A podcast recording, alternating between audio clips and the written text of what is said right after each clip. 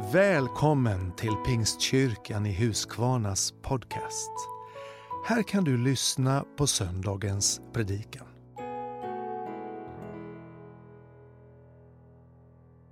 Då vill jag välkomna dig till mitt eh, tak, min takterrass här uppe på kyrkan. Och eh, det kan hända att du får höra en och annan fiskmås, för det är några som flyger runt här och, och håller mig sällskap.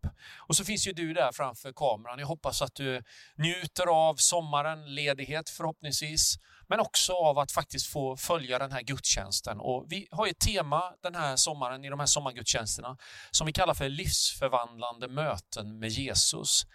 Och det är min bön idag att du skulle få ett sånt möte med honom. Att Gud skulle röra vid ditt hjärta och vid ditt liv och att det vi talar om idag skulle få påminna dig om någonting viktigt i ditt liv och kanske också leda dig fram till ett beslut eller till en erfarenhet. Så Gud välsigne dig och följ med mig nu in i den här texten som vi idag hämtar ifrån Johannes evangeliet. Och Den här texten har ju redan blivit läst i den här gudstjänsten, i den intervjun som Björn och Pauline höll här för en liten stund sedan i gudstjänsten. Så jag ska bara läsa några versar ur den här texten för att påminna dig om den. Men du har fått hela texten tidigare i gudstjänsten. Och då säger Jesus så här till eh, Eh, till de som kommer nu och envisas med sin fråga. Så tittar han upp och så säger han, den av er som är fri från synd ska kasta första stenen på henne. Och så böjde han sig ner igen och började rita på marken. Och till slut så ställer han frågan till kvinnan, vart tog de vägen? Var det ingen som dömde dig? Hon svarade, nej herre. Jesus sa, inte heller jag dömer dig. Gå nu och synda inte mer. Jag skulle vilja ta med dig i detta temat idag. Vem har rätt att döma? Och jag skulle vilja börja med att säga detta att jag tror att ibland är det väldigt mycket lättare att se andras fel än mina egna. Det är faktiskt eh, mycket enklare att se bristerna i omgivningen hos min partner, min äkta hälft, eller hos mina barn, eller hos mina arbetskamrater, eller hos min chef eller hos grannen eller... Alltså det är lättare att identifiera hos andra vad de gör för misstag och vad som inte fungerar, än att faktiskt se mig själv i spegeln och se vad som är bristerna i mitt eget liv. En del saker är ju otvetydigt blottlagda och synliga för alla. Det finns ju saker och ting som händer i våra liv som inte undgår omgivningens ögon och som blir tydligt för alla. Här är det någonting som inte står rätt till. Men mycket av det som vi skulle vilja kalla synd och det som inte är bra, varken för mig, i min relation till mig själv, till min omgivning eller till Herren. Det syns kanske inte så tydligt på utsidan alltid. Det är lite mer subtilt, utan det handlar mycket om våra tankar, hur jag ser på andra, mina attityder och hur jag hanterar mig själv, mina vänner, mina medmänniskor här i livet och inte minst min relation och min attityd till Gud själv. Jag tror att du precis som jag ibland ägnar lite för mycket tid åt att fundera på andra och deras problem.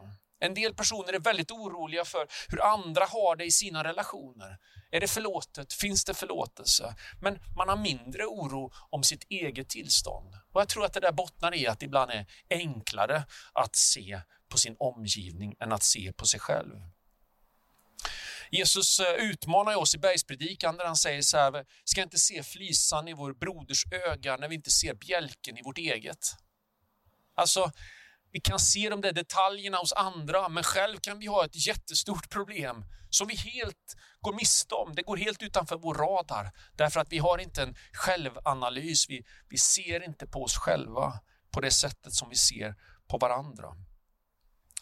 Jag såg en bild på Instagram häromdagen. Det var någon som hade lagt ut en tecknad bild på Jesus och så sen ett antal eh, laglärda som gick med en stor bok under handen. Och så var det på engelska, men jag översatte det här och det, eh, citatet var så här. Skillnaden mellan mig, det är alltså Jesus som säger det. Skillnaden mellan mig och er är att ni använder skriften för att förstå vad kärlek är.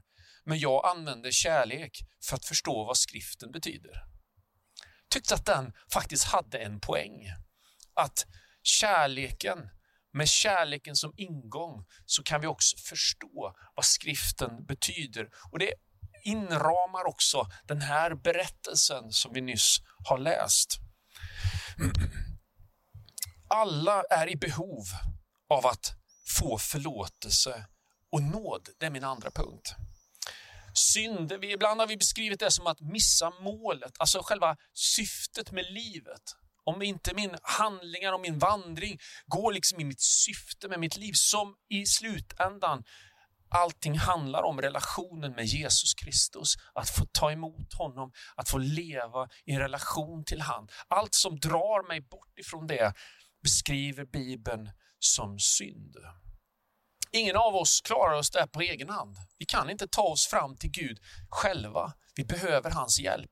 Vi behöver få ta emot det han har gjort. Vi kan inte hjälpa x antal tanter över gatan eller dela ut matkassar eller hjälpa de gamla nu och handla. Det ska vi göra. Jag menar inte att vi inte ska göra det. Men jag menar att det handlar inte om att skaffa sig poäng inför Guds ögon, utan mer som ett resultat av min förståelse av att jag ska älska min nästa som mig själv. Men det är Jesus som drar mig till sig, in i sin famn och vi är alla i behov av förlåtelse och nåd. Vi är faktiskt i desperat behov av förlåtelse och nåd. Därför att vi kan inte, hur mycket vi än försöker, ta oss fram till Gud på egen hand. Vi behöver vägen som han har stakat ut genom Jesus Kristus. Det som händer här, när Jesus säger de här orden, den av er som är utan synd ska kasta den första stenen. Det är ganska intressant att Jesus inte börjar diskutera lagens innebörd, utan han konstaterar bara att det är så lagen säger. Men det finns perspektiv som ni missar, kära vänner. När ni står där med stenarna, när ni har liksom valt ut ert offer, kommit på den här kvinnan på bar gärning, att man bara undrar hur det gick till. Och där de står och ska nu uppfylla det de uppfattar som fullbordandet av lagen. Så vänder Jesus på hela steken och så säger han, den av er som är utan synd ska kasta den första stenen. För bara den som är utan synd har rätt att döma. Bibeln berättar för oss att det är bara Gud som sitter på domarsätet. Ingen av oss andra har rätt att döma vår omgivning, utan vi är alla i samma båt i behovet av nåd och förlåtelse i våra liv.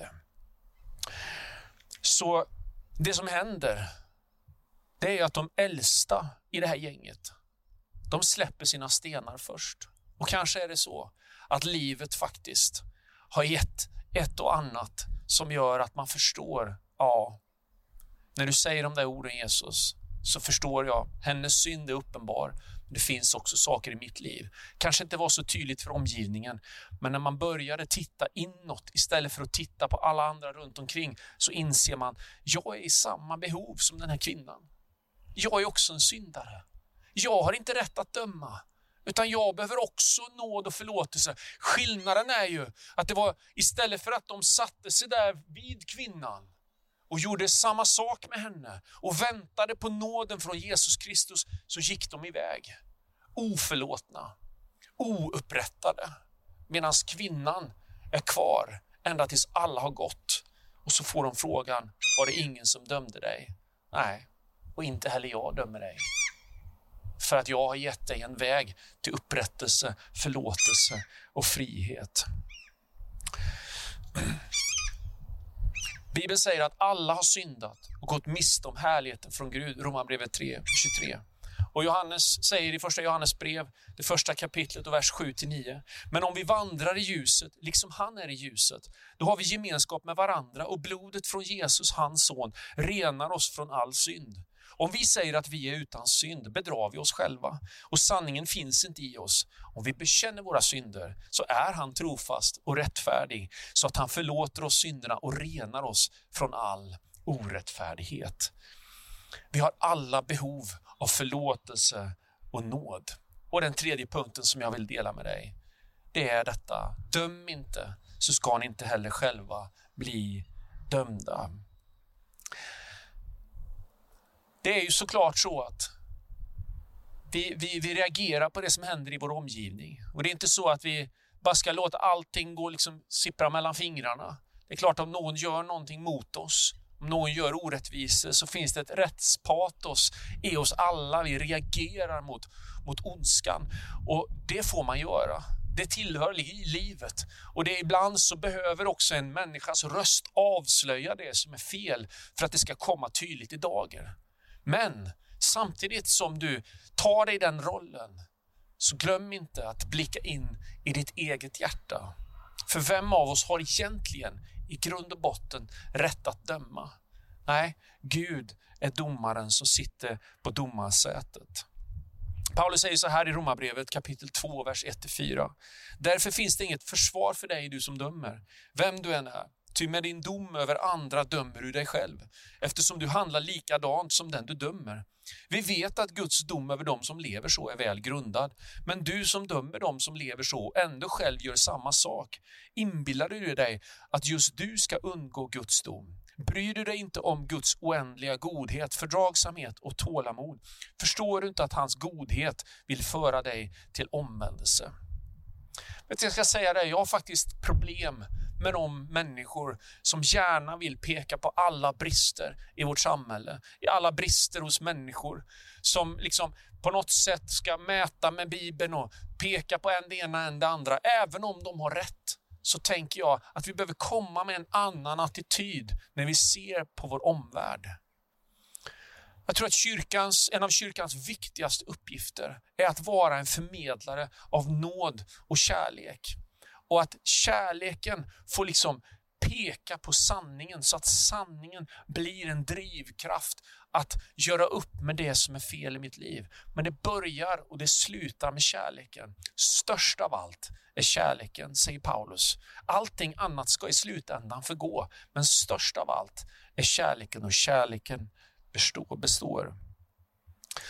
Så din och min uppgift är att få vara en sån där vägröjare för Guds nåd in i människors liv. Att få peka på Guds kärlek och låta hans kärlek få bana väg in i människors liv. För att det är Gud och hans förlåtelse, det är Gud och hans dom, det är Gud och, vad han, och hans sanning som, som vi vill föra människor till. Och låt inte oss få bli ett, ett dåligt filter som gör att Gud inte syns på det sätt som han vill synas, utan låt oss få återspegla hans kärlek i vår samtid. Var det ingen som dömde dig? Nej, sanningen låg där, blottlagd. Sanningen om lagen fanns där, men det var ingen människa som dömde. Och då säger Jesus, inte heller jag dömer dig, men gå nu och synda inte mer. Skulle jag vilja ta med dig en bön. Jag tror att du, precis som jag, har idag behov av att få be Gud om nåd och förlåtelse. Vi lever i hans nåd, men vi behöver också stanna upp och inte bara titta oss runt omkring och se hur illa det är ställt med alla andra, utan faktiskt också precis göra som de här äldsta i den här gruppen. Titta in i sig själv lite, släppa de där stenarna av dom och faktiskt inte gå iväg utan stanna upp inför Jesus och ta emot hans nåd och förlåtelse. Jag skulle be med dig, du som idag skulle vilja ta emot Guds förlåtelse för första gången i ditt liv få bli frälst, få bli räddad, få, bli, få få en, en grund i ditt liv som ger dig liksom ett mål och en mening och en resa, en som räcker ända in i evigheten. Men jag vill också be tillsammans med dig, du som kanske kämpar med oförlåtelse, du som har agg emot någon, du som har svårt att kanske också erkänna dina egna brister. Gud vill förlåta dig och han vill sätta dig fri. Det betyder inte att det du inte har gjort liksom är viktigt. Nej, nåden överskyller inte, men nåden den, den liksom, eh, tar det där på djupet och ställer allting till rätta mellan dig och Gud. Så låt oss be tillsammans. Herre, jag tackar dig för din kärlek och din nåd. Tackar dig för att du rör vid våra liv. Jag tackar dig Herre för att du möter den människa som just nu sträcker sig mot dig för första gången Herre och ber dig om förlåtelse för alla synder. Tack Herre för frälsningens under och pånyttfödelsen i, i den människas hjärta, Jesus. Du ser oss alla, Herre, som kämpar med livet och som är, eh, liksom har det här med stoltheten och som kanske ser mer på vår omgivning än på oss själva. Hjälp oss att en liten stund vända blicken inåt och förstå vårt behov av nåden. Och hjälp oss Gud att få ta emot din förlåtelse. Tack för att du frigör oss, du sätter oss fri Herre. Du ger oss Herre din kärlek och du låter det skölja över oss. Och hjälp oss Gud att leva i det. Tackar dig Fader i Jesu namn. Amen.